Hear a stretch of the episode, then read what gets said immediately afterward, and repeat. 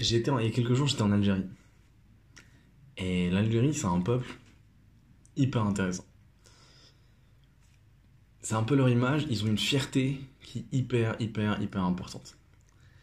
Un, exemple que je trouve intéressant, c'est euh, tout le monde connaît la chanson de Sting et Mamie.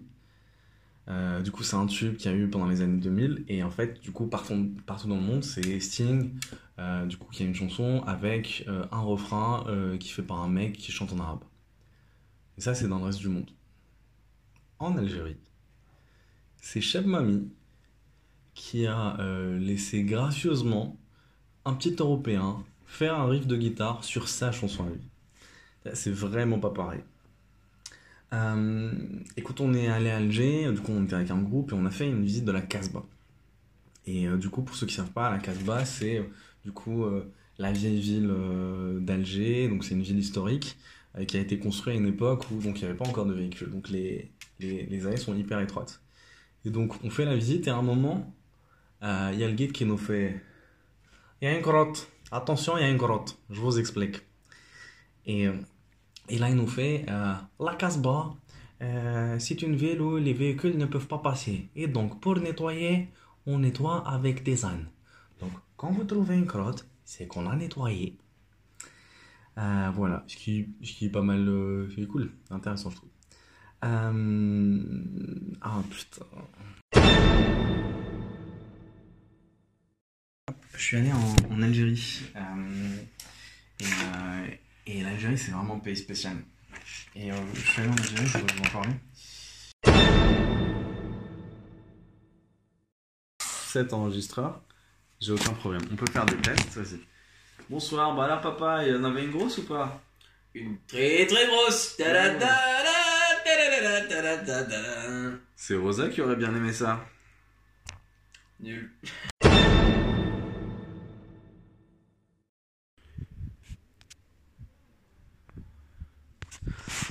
Hi everybody. Um, hey guys. Um, just a few things I want to say. Uh, I want to share with you. Uh, I'm really happy to be with you guys. It, so far, it's been like a crazy experience for me. It's my first retreat, um, and uh, it's crazy to see how the group evolved. Uh, especially when I see like uh, the spiritual connection we had yesterday uh, during the fire ceremony, and when I remember the first day, uh, which is crazy comparing to the first day um, when Ismail Garda gathered us uh, for two minute prayer, uh, and he did it alone. Okay, it's a small detail. I know it's a really small detail, but it's really funny for me. Okay, okay, and it matters for me. Um, also, um, the the the super interesting part during these retreats it's obviously like is obviously to know you guys. Um, it was blast to know you guys during dead times. Uh, at the beginning i didn't see um, uh, i didn't see dead times as an opportunity to get to know you guys. Um, uh, and it was like super cool. Uh, and obviously i changed my mind after the sixth uh, stop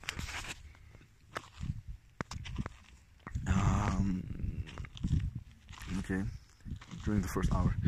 Uh, i feel more than lucky to be with you guys. I've met uh, gifted people. Um, some of you can be friendly whatever happens. Uh, some can see the future. I know what i'm talking about. Uh, some try to learn languages uh, and it's working which is crazy for me. Uh, some can pee anywhere, even against the wind. Good job, Xavier. And last but not least, uh, some try to be funny all the time, uh, which is boring and it doesn't make any sense. Okay, stop it, Yanis. Um, I also want to talk about uh, this crazy and emotional experience we had uh, yesterday. Uh, sorry, the putain si je la, si je la pouvoir celle-là. Also want to talk about this crazy and emotional experience we shared uh, around the fire. Um, these uh, we were all like quiet on the fire, sharing these uh, weird looks. Uh, we didn't understand what was going on at the time. Um, and obviously, I'm not talking about the fire ceremony, but I'm talking about anime jokes, okay? Uh, okay. Uh, more seriously, uh, um, it's for real. Uh, I really want to um, apologize for all the snoring problem. Okay, guys, I'm sorry. Um, uh, I feel sorry, um, and it's it's the first time for me actually. It's the first time um, that so many people uh, are complaining about that at the same time. Um, and what you don't know, guys, is that I learned from this experience. Um, actually, like every morning was my walk of shame, mm, which is crazy for a man. Okay, um, like every morning I couldn't like even see people in in the eye, the eyes, like share. Um, couldn't have even eye contacts with people, uh, and when I had to, I couldn't even ask was your night because I know like how was the problem with that. Um, yeah, I'm talking about shame. I'll talk a bit about me, uh, about myself. Um, I'm having like I think a really special period of my life. I think. Um, you know when you are in a long, long time relationship, um, you get used to this boring routine. Uh, you eventually gain some weight.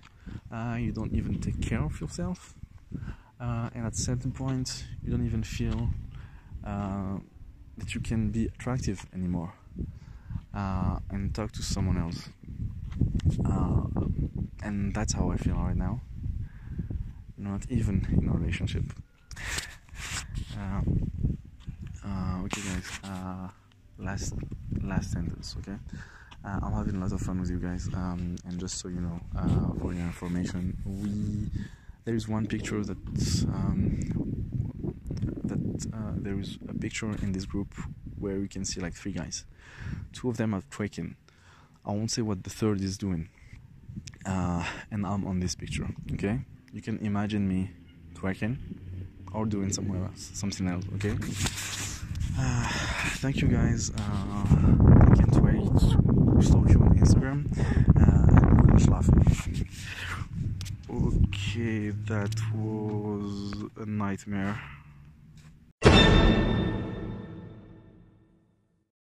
Salut mec, euh, je sors d'un plateau euh, euh, un peu bizarre, enfin pas un peu bizarre que j'ai trouvé bizarre ou qui m'a un peu genre déprimé.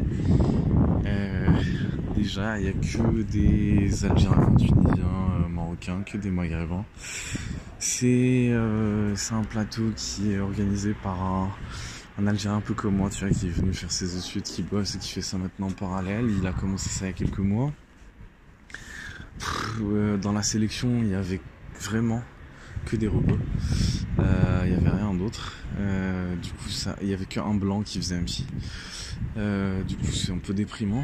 Puis après, t'as le niveau du truc, mais c'est parce que juste, je crois, le public est pas exigeant. Du coup, ou est pas connaisseur, c'est le meilleur mot.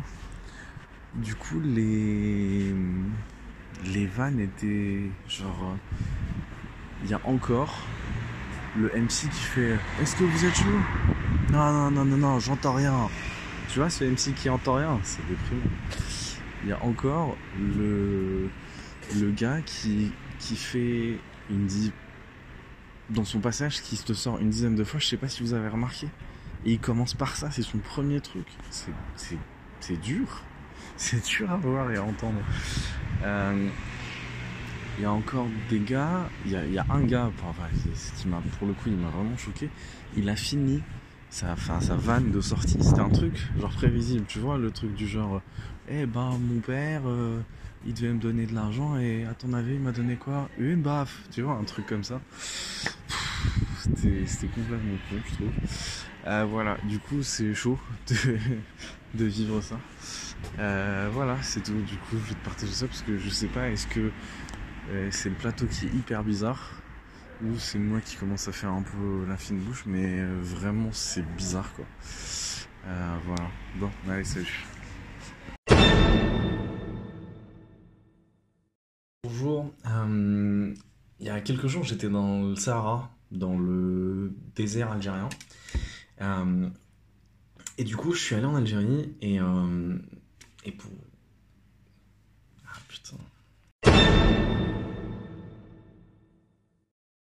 Bonjour, je m'appelle Tariq, mon neveu m'appelle Tarikou et mon ex m'appelle Tokar. Ouais. Euh, moi, je vis à Paris depuis quelques années. Je vis dans un quartier snob où les gens sont toujours pressés, euh, sont souvent désagréables euh, et parfois tristes. Le quartier s'appelle Tout Paris. Moi, je suis algérien, j'ai grandi en Algérie. Quand je le dis aux gens, on me demande pourquoi j'ai pas d'accent. Et moi, je suis un peu naïf, je réponds au premier degré et je leur dis que mes parents étaient sourds et muets et que j'ai grandi dans la télé quand j'étais petit et que pendant des années, je pensais que mes tontons c'était Charlie et Lulu. Mon père était prof de maths euh, et la communication avec lui était pas facile. Euh, toutes les discussions qu'on avait, il les rapportait au produit matriciel. Vous voyez ce que c'est euh, le produit matriciel? Non, pas moi non plus. C'est ça le problème. En règle générale, je, je suis pas très bon en communication. euh, je pense que je suis un artiste incompris. Parce qu'en fait, ce que j'ai entendu, la phrase que j'ai entendue le plus souvent dans ma vie, c'est euh, Je crois que j'ai pas compris cette blague. Euh, j'ai aussi un, problème avec les noms qu'on se donne en couple.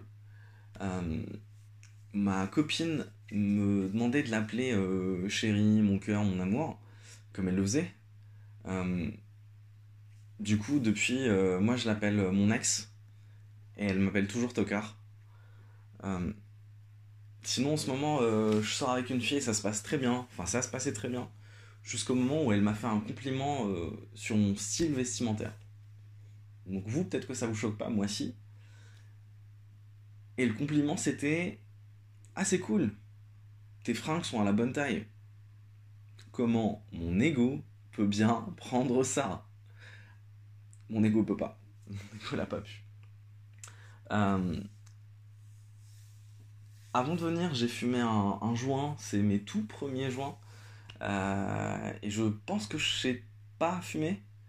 Parce que là, je ressens aucun effet. Et donc, soit génétiquement, je suis immunisé contre l'effet du cannabis, soit là maintenant, je suis à poil. Et je pense qu'il y aurait beaucoup plus de dégoût dans votre regard. Euh, ma résolution euh, de l'année, euh, hmm, la résolution sur laquelle je bosse en ce moment, c'est la méditation. Et je sais que vous allez me dire, ouais, mais c'est que le début de l'année, t'as encore tout le temps. Sauf que c'est ma résolution 2016 et je suis grave à la bourre. Donc là, je m'y suis mis cette semaine. Je fais mes premiers pas sur la méditation avec des vidéos YouTube. Et toutes les vidéos YouTube commencent par euh, Namasté, je m'appelle Florent Pagny. En fait, je retiens pas le nom des gens qui font euh, des vidéos. Euh, donc, je m'imagine toujours que c'est Florent Pagny qui fait ces vidéos-là. Et les vidéos enchaînent toujours sur À tout moment, vous pouvez cliquer sur le bouton Abonne-toi et sur la cloche pour recevoir toutes les vidéos de relaxation dès leur publication. Et quand t'entends ça, tu te dis Hum, qu'est-ce que c'est accent? Hum, Moi, je veux me relaxer dès qu'il y a une vidéo de, de relaxation. Et moi, ça m'a stressé. Ça m'a vraiment stressé. Donc, euh, donc ça n'a pas marché pour moi, les vidéos. J'ai essayé des podcasts. Euh, les podcasts, c'était un peu mieux. Sauf qu'au bout d'un moment, je commençais à imaginer ce que euh, les, les gens faisaient pendant l'enregistrement du podcast. Et du coup, je les imaginais faire Sortez toutes les mauvaises ondes de votre esprit. Relaxez-vous. Et pensez. Et donc, donc euh, les podcasts, ça n'a pas marché non plus. Euh, J'en ai parlé à une amie. Et elle me dit euh, Tu connais le chamanisme? Tu devrais essayer. Et moi, ça me casse les couilles qu'elle me parle de chamanisme comme si c'était un nouveau bar à Paris. Est-ce que vous connaissez le chamanisme? Pour ceux qui ont. Alors, je sais pas si vous connaissez le chamanisme, mais euh, pour ceux qui ont euh, les clichés en tête, euh, le tipi, la fumée, c'est vrai. Et la définition, la réelle définition, c'est que le chamanisme est une pratique ancestrale centrée sur la méditation qui permet de se connecter à la nature.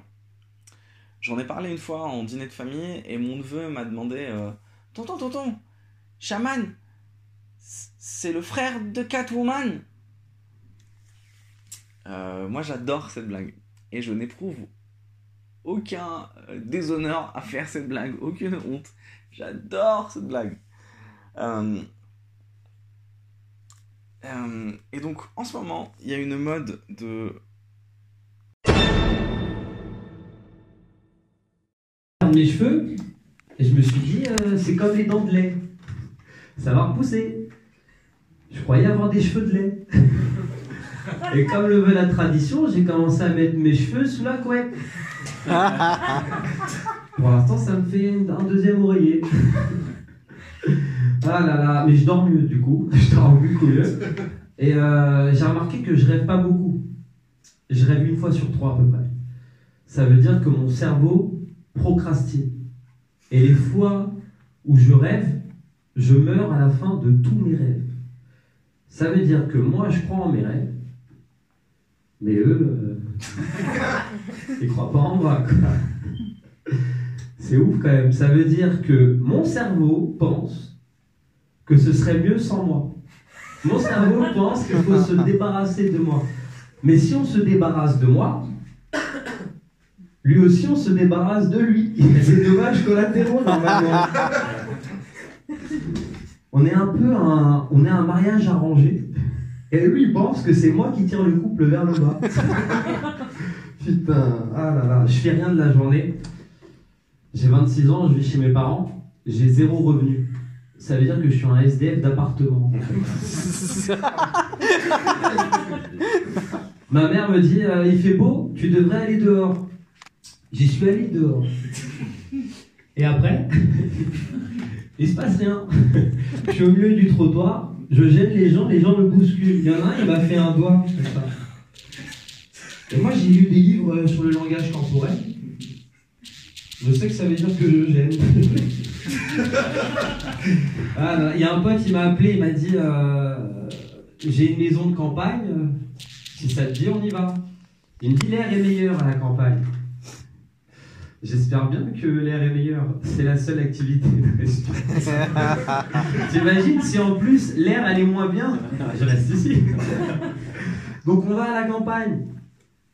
Tellement il n'y a jamais été, il y a encore un sapin de Noël là-bas, dans sa maison de campagne. Euh, moi je suis fasciné par les arbres, mais je suis aussi encore plus fasciné par les sapins. Parce que je me dis, c'est quand même le seul arbre qui a trouvé un moyen de passer l'hiver au chaud.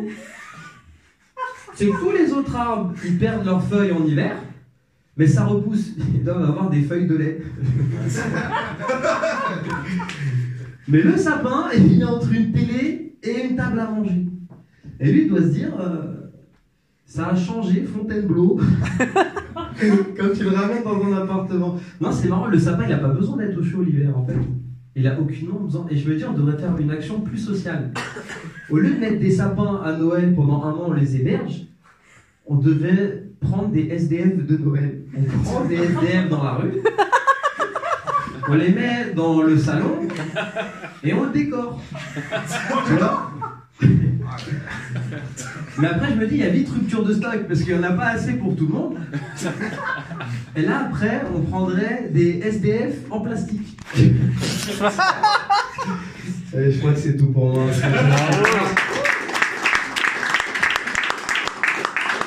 Faites un maximum de bruit pour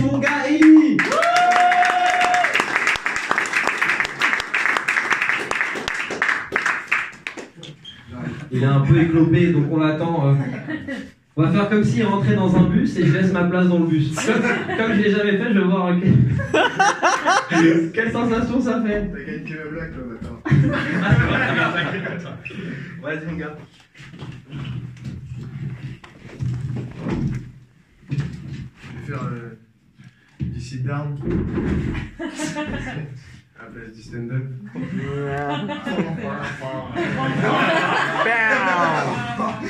Alex, il met le bruit.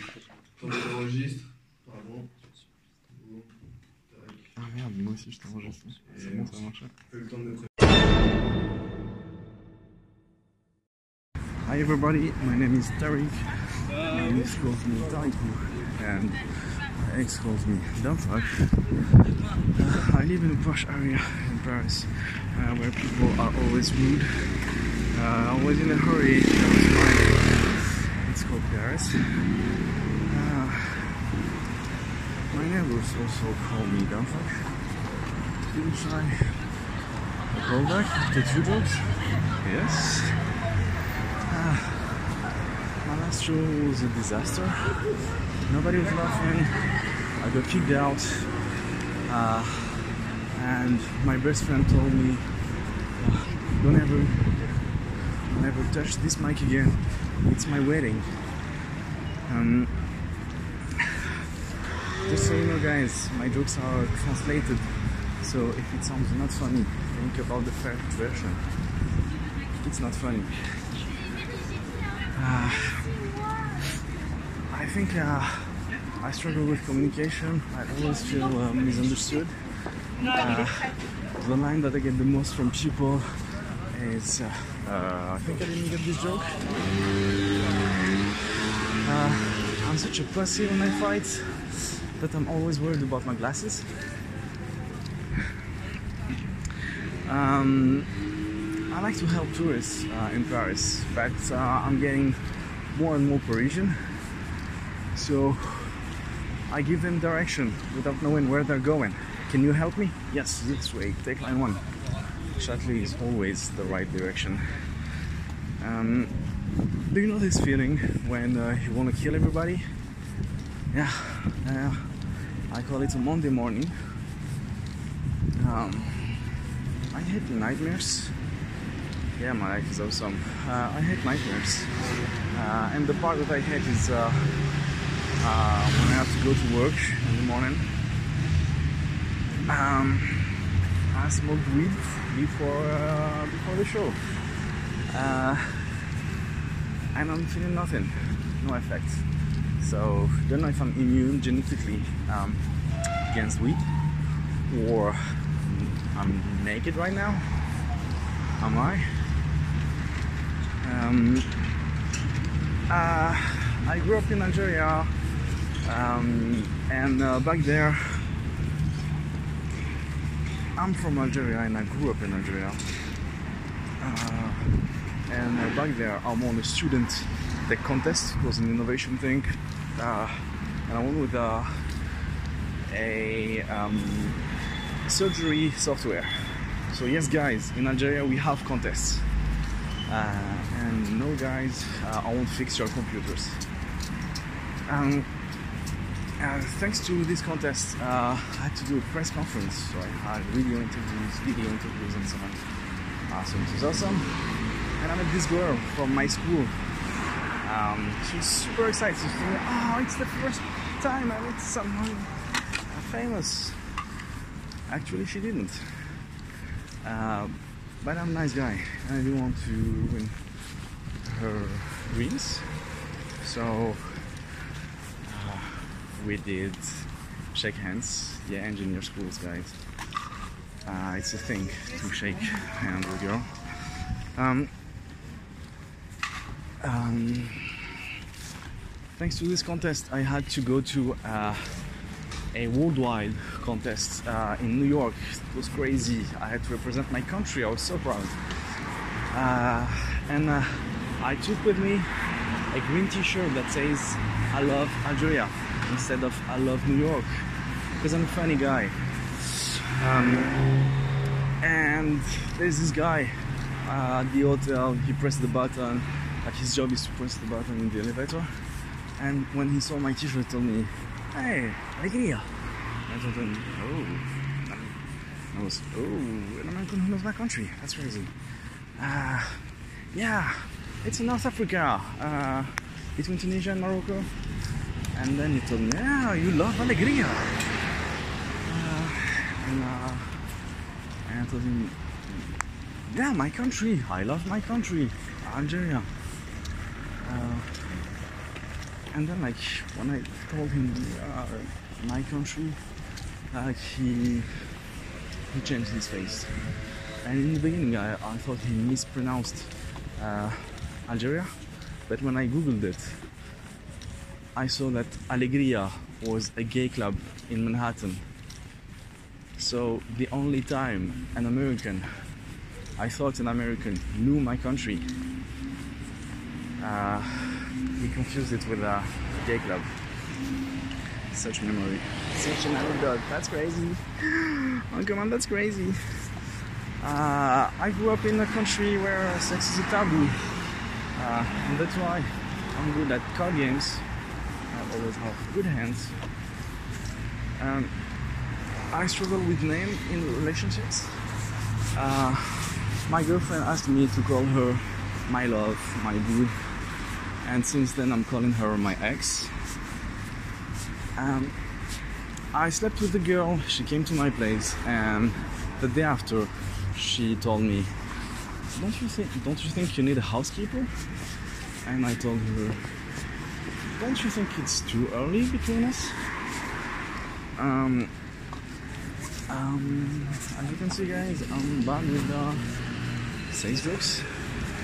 It's mainly because I, I miss practice the German game. Um, uh, one of my principles in uh, uh, what I do in my jokes is like to tell only true stories. So uh, all I say is true. And let me just finish with uh, my day.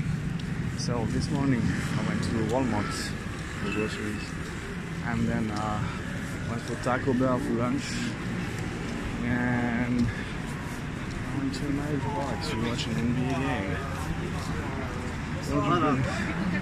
Always misunderstood.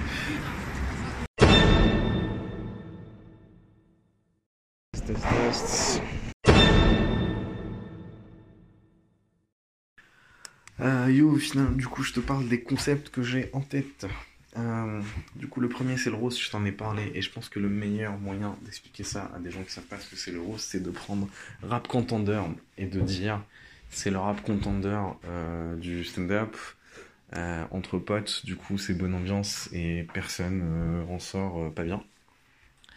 Le deuxième truc, c'est un host un peu à l'américaine qui passe qui fait le début, qui chauffe la salle, puis après qui passe entre chaque humoriste et qui fait euh, 3 minutes, euh, il fait quelques blagues, puis après il, présente un peu le gars qui arrive. Euh, du coup, ça permet euh, bah, d'être un peu introduit avant d'arriver, quoi, tu sors pas de nulle part. Un autre truc que j'aimerais vraiment faire, ça pour le coup, je sais pas si tu vois ce que c'est les, les, les, les monologues dans les late shows. Du coup, c'est le, le host, euh, un peu comme tu vois Jimmy Fallon par exemple, il a des monologues de 10 minutes où il fait des blagues face à la caméra, face au public, et il parle de l'actu, et ces trucs-là, c'est fait avec un, un pool d'auteurs. Donc, tu as, je sais pas combien, 10, 10 euh, auteurs, ou auteurs, je sais plus, euh, qui lui écrivent des blagues. Et moi, je me dis, on pourrait faire la même chose. Il pourrait avoir un autre host qui, au début, il fait 4-5 minutes de blagues euh, sur l'actu. Euh, au début. Et il chauffe la salle avec ça. Euh, et, euh, et enfin, au début, il commence avec un peu d'inter- d'interaction. Mais il fait ces blagues-là. Et ces blagues-là, d'où il les sort C'est pas lui, c'est nous, la troupe, qui lui écrivons des blagues. C'est-à-dire qu'au début de la semaine, on, on lui propose des blagues sur l'actu, ou lui, il nous donne les thèmes qui l'intéressent, et on lui propose des blagues, et lui, il fait rédac chef. Et il dit, moi, quelle blague je veux prendre et tout. Je trouve que ce truc est trop bien, et ça serait trop bien qu'on le fasse. Euh, euh, je sais pas, vraiment, j'ai du mal à imaginer comment ça va pas plaire aux autres. Mais moi, je trouve ça trop kiffant, parce que genre, t'écris pour euh, un pote, le pote, il peut choisir, et donc tu t'interagis, et genre, pas besoin d'une session d'écriture, juste un groupe Messenger ou WhatsApp, on s'écrit et basta. Et après, tu décides, tu choisis tes blagues, tu les joues, c'est trop bien. Moi, je trouve ça kiffant. En fait, ce qui m'a inspiré en plus, c'est le, euh, le acte 2, non, le actu 2 de Haroun. Voilà. Bon, allez, je passe aux autres idées, j'arrête. Autre idée. C'est euh, un thème par, par soir, un peu comme Love City Crew. Euh, mais pas vraiment comme Love City Crew, parce que Love City Crew, ils font le truc de filer nous des thèmes à la fin, euh, que pour que les gens reviennent. Ça, ça peut être bien, on peut le faire. Euh, on peut faire aussi un autre truc où on dit ce soir, tous les humoristes vont vous raconter une anecdote. Et ça, c'est un thème que j'ai vu dans une série de plateaux qui passait sur Comedy Central qui s'appelle This is not happening. Et du coup, ils avaient genre un thème, ça peut être donc euh, l'anecdote, ça peut être, je sais pas moi, les ruptures ou je sais pas quoi. Et donc, ça peut être marrant d'avoir ça et de se dire, bon les gars, on va écrire sur ce thème euh, et on va incorporer ça dans nos passages. Il y a ça. Euh, et voilà. Et après, ah bah un autre truc sur This Is Not Happening, c'est... attends. Ouais, allez, je te le dis quand même. Euh, This Is Happening, ça se passe, je crois, à Vegas, je crois, je crois, je suis pas sûr. Vegas ou LA, mais en tout cas, c'est dans un strip club. Et le cadre, le décor est trop bien. Euh, et je me suis dit, nous, à Paris, euh, les strip clubs qui a à Pigalle, c'est sûr qu'ils vont nous filer des créneaux à, à 19h ou à 20h, genre à des horaires top pour euh, faire du stand-up. Parce que eux, ils bossent pas à cette heure-ci. Euh, T'as personne qui va aller voir euh, du strip club à. Et je me dis, ça peut être marrant d'être dans ces lieux-là, parce que aucun d'entre nous serait rentré là, les gens du public non plus, mais ça peut être marrant, genre c'est marquant, tu vois. Genre, euh, je sais pas, tu ressors de là, tu t'en rappelles, quoi. Et moi, je trouve ça intéressant. Euh, dernier truc, c'est euh, sur ouais, le crowd work. Je sais pas si t'es déjà allé au, au Bordel Club. Au Bordel Club, euh, t'as deux personnes. C'est euh, moi, les fois où j'y suis allé, c'était Rémi Boy et, Merwan B. Et du coup, c'est eux qui font la chauffe. Ils font la chauffe pendant 5-10 minutes, ils sont pleins. Et ils sont à deux. Et du coup, je me dis ça aussi, on peut essayer ça un jour. Je sais pas pour le coup si ça marche à chaque fois, mais du coup, il faudrait qu'il y ait deux personnes qui acceptent de faire la chauffe. Sachant que au Bordel Club, euh, Merwan B et Rémi Boy, quand ils faisaient la chauffe au départ, euh, ils, euh, ils passaient après, ils faisaient leur passage. Ce que je trouve intéressant dans le crowdwork, c'est que c'est pas que tu fais de l'impro, c'est que tu écris des vannes de crowdwork. Un peu comme quand tu écris des vannes pour du roast. C'est que tu prépares des trucs et que tu les ressors. Donc tu te fais une sorte de pack de blagues un peu à la euh, Kéron. Donc euh, lui, Kéron, tout son spectacle, il paraît public, mais en fait, il a des blagues qui sont prêtes, il sait à peu près ce qu'on te dit, et du coup, tu vas écrire une blague pour euh, quand quelqu'un te dit oui, je suis docteur, et tu as une blague où tu as peut-être un, un 30 secondes ou une minute sur ça, où tu racontes une histoire et tu fais ça, et tu dis les médecins, blague, blague, blague. Voilà, voilà. Je crois que j'ai fini les idées, et, euh, et voilà, le reste, c'est des surprises. c'est fini en fait. Elle me dit oui, mais Rodrigo, aujourd'hui, ne plus aller sur les réseaux sociaux, c'est s'exclure et de se mettre en position de faiblesse. 1-0, elle a raison. Mais par contre, je dis maman, pendu au bout d'une corde, c'est pas une position de force non plus. Et euh, Insta, Insta, Insta, euh, je comprends pas euh, le délire de, de poster par exemple une photo de ses pieds sur la plage. Si on prend un peu de recul, je vous demande un peu d'imagination. En fait, le truc, c'est, on a tellement besoin, un besoin existentiel maladif, qu'en gros, on se sent obligé de, de- d'envoyer, de partager ce moment. Si on prend un peu de recul, on enlève Internet, on enlève les réseaux sociaux, c'est équivalent à faire Je suis sur la plage Regardez mes pieds C'est mes pieds C'est ça C'est que là, c'est- t'es obligé de partager le moment. Tu peux pas, le moment ne, se suffit pas à lui-même. Euh, donc, soit il y a des gens qui sont fétichistes des pieds, c'est pour ça qu'ils kiffent, qu'ils like, euh, soit donc, il y a un besoin existentiel maladif. Moi, je connais des personnes qui sucent des orteils.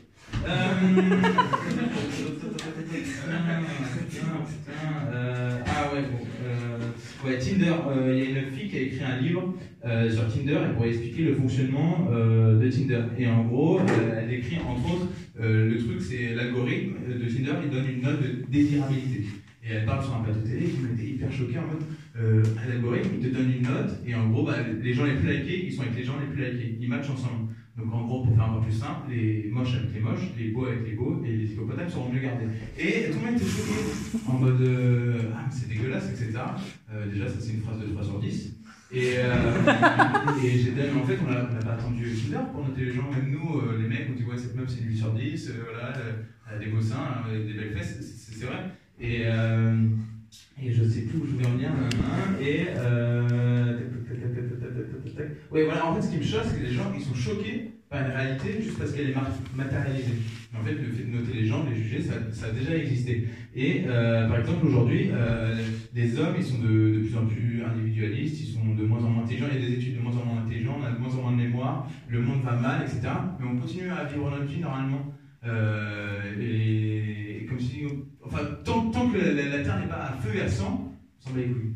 Et, et putain, je me perds, je me perds. Et il y a des gens, quand je dis tout ça, je, je décris ce portrait un peu, un, peu, un peu noir, on me dit oui, mais il y a des gens qui bougent les choses, etc. J'ai vu, il y a deux étudiants euh, australiens, ils ont créé des poubelles, qui nettoient les océans tout seuls et tout. Je suis mais ta gueule gros. Tu vas sauver des tortues, tu vas pas sauver l'humanité avec ça, tu veux dire. Et moi, tant que tu m'as pas présenté une, tortue éventrée devant moi avec 20 pailles, moi je prends deux pailles avec mon cocktail juste pour faire le noir, hop, et rien à. Et euh, qu'est-ce que j'ai d'autre Ah ouais, j'ai un problème avec les, les communautaires, en fait, je les, je les inverse, c'est un gros problème. Par exemple, je me suis cogné ce matin, je fais Ah, je me suis fait le coup du petit suisse, tu vois. Bon, c'est pas trop gênant, et par contre, quand je dis que le jeune, j'aimais faire les concours de gobage de petits juifs, c'est c'est un peu plus gênant. Euh, tac, tac, tac. Euh, ouais, c'est tout pour moi, merci.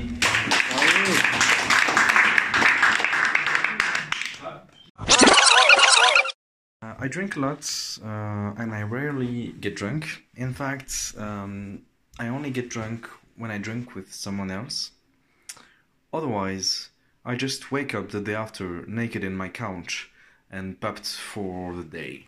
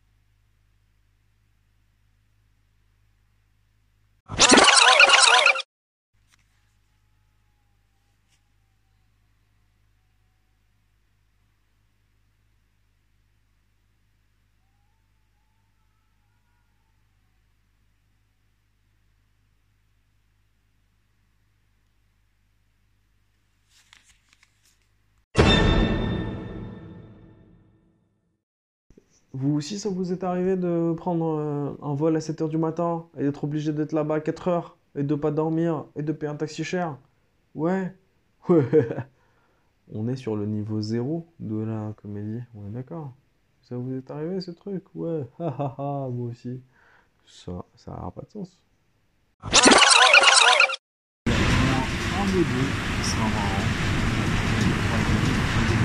Ah, j'en ai. On va parler. Écologie. Terrorisme. Quitte à ce qu'il fasse mal, on sait jamais. Au moins, on a pas acheté. Eh, je vais faire un coup de crampeau. C'est une dingue, je te jure, elle kiffe. Hein. Tu baisses quoi, Ina? Une naine. Elle peut sauter très loin. Donc, on doit tous Ah s'enregistrer. Bon. Bon. Euh, Moi, moi, je sens qu'en fait, ça sert. Euh, c'est l'histoire d'un d'un mec, il rentre dans un bar. Excellent. Euh, Putain, ça c'est tellement bien enregistré. On voit si on entend mon voix. Et euh, Tu racontes une blague Ok. Une anecdote drôle. ouais. C'est quoi tes trois humoristes préférés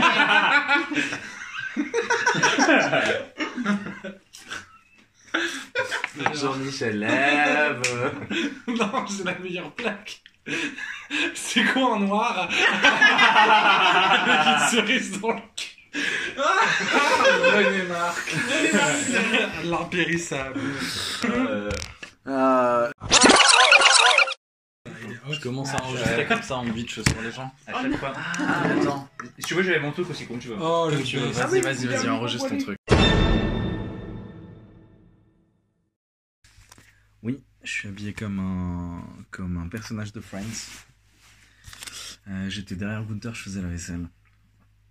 Euh, moi, j'habite dans, j'habite à Paris euh, depuis pas longtemps. Je suis dans un quartier où les gens sont snobs, souvent pressés et parfois même un peu tristes. Le quartier s'appelle Tout Paris. Moi, je suis algérien et quand je dis que je suis algérien, euh, la première question qu'on me pose, c'est pourquoi t'as pas d'accent? Euh, Et moi, je suis un peu naïf et je réponds euh, un peu trop honnêtement. Je dis que mes parents étaient sourds et muets et que j'ai grandi devant la télé. Et pendant des années, je croyais que mes tontons, c'était Charlie et Lulu. La communication avec mon père était pas ouf. Euh, il est prof de maths, mon père, et euh, dans toutes les discussions qu'on avait, il apportait toujours ça au produit matriciel. Vous savez ce que c'est le produit matriciel? Ouais, moi non plus. Moi non plus, je sais pas ce que c'est. Ce qu'on faisait souvent avec mon père, c'est qu'on courait. Euh, ouais, je cours pas assez, moi. Mais ça, j'ai pas envie de faire de de blagues dessus. Et du coup, dans Paris, dans les parcs, on voit souvent des gens qui courent très très mal. Euh, des gens euh, un peu comme Phoebe qui courent euh, un peu n'importe comment. Et, je pense que ces gens-là, ils, ont besoin de beaucoup de courage, déjà pour courir dehors, mais surtout pour aller acheter des chaussures en magasin. Le moment où le commerce, où le vendeur te fait essayer tes chaussures sur un tapis de course et que tu cours très très mal, est-ce que le vendeur à un moment il te regarde, il dit Mais madame, faut amputer C'est pas des chaussures de course qu'il vous faut, faut arrêter toute motricité. Euh, la dernière fois, j'étais en soirée et euh, je crois reconnaître Julia. Donc euh, je la vois de l'autre côté, je traverse le bar, je vais lui parler, je fais Hey Julia, tu te rappelles de moi? Et je me rends compte qu'en fait on discute et qu'elle prononce pas mon prénom. Et moi je veux la mettre un, peu mal à l'aise, donc je dis Hey Julia, tu te rappelles pas de moi, tu prononces pas mon prénom? Moi je me rappelle de toi, toi c'est Julia, moi c'est Tariq. Et là, elle me fait, ah, je suis vraiment désolé, euh, je me rappelle que dans ton prénom il y avait un T, mais je savais plus ce que c'était. Euh, en revanche, moi, c'est vraiment pas Julia. Et là, je me rends compte que j'avais oublié mon setup où je devais dire que je me rappelais que des filles dont je, que je baisais. Et là, maintenant, à la fin, je devais dire, ouais, mais en fait, je crois que je l'ai vraiment pas baisé. Ha ha ha. Euh, en ce moment, je fréquente une fille qui est très sympa. Et euh, il y a pas longtemps, elle m'a fait un compliment sur mon style vestimentaire. Les gars, c'est pas crédible. Vous voyez comment je suis sapé. Et c'est pas crédible de me faire un compliment sur ça. Sachant que elle, elle me dit pas t'es bien sapé. Écoutez bien le compliment, c'est quoi? Elle me dit ah c'est cool, tes fringues sont à la bonne taille. C'est pas possible. Euh, et le pire dans tout ça, c'est que c'est vrai. C'est simplement vrai, j'ai rien à raconter dessus. Euh, un autre truc de vrai, j'ai fumé un joint avant de venir. C'est encore mes premiers joints. Euh, donc je sais pas, je crois que je sais pas fumer. Parce que euh, soit je suis génétiquement immunisé contre l'effet du cannabis, soit là je suis à poil. Et là le premier rang prend cher. Malgré cette vie de vice et de luxure, euh, je suis tonton. Ouais. Euh, j'ai un neveu qui s'appelle Zach. Et, euh, dans la famille, on l'aime pas trop. La famille ne l'aime pas trop, parce que c'est. C'est, un enfant qui a, qui a amené le malheur dans la famille. Je vais vous raconter ça. Zach est insupportable, il fait beaucoup de bruit, il, il est complètement teubé, il fait que des conneries tout le temps. Euh, déjà, à cause de lui, mon frère a fait de la prison, parce que soi-disant, il aurait confondu euh, aspirine et GHB. J'y crois pas, moi. Euh, je le vois, je le vois déjà quand mon frère est rentré de prison. Quand, on, annonçait à Zach que papa avait trouvé du travail, et que mon frère le regardait, il disait mais ah putain j'ai trouvé du taf, je suis tellement content de plus voir, c'est la gueule de Zach toute la journée. Euh, Zach au cinéma, c'est lui le film d'horreur. J'ai niqué cette blague. Euh,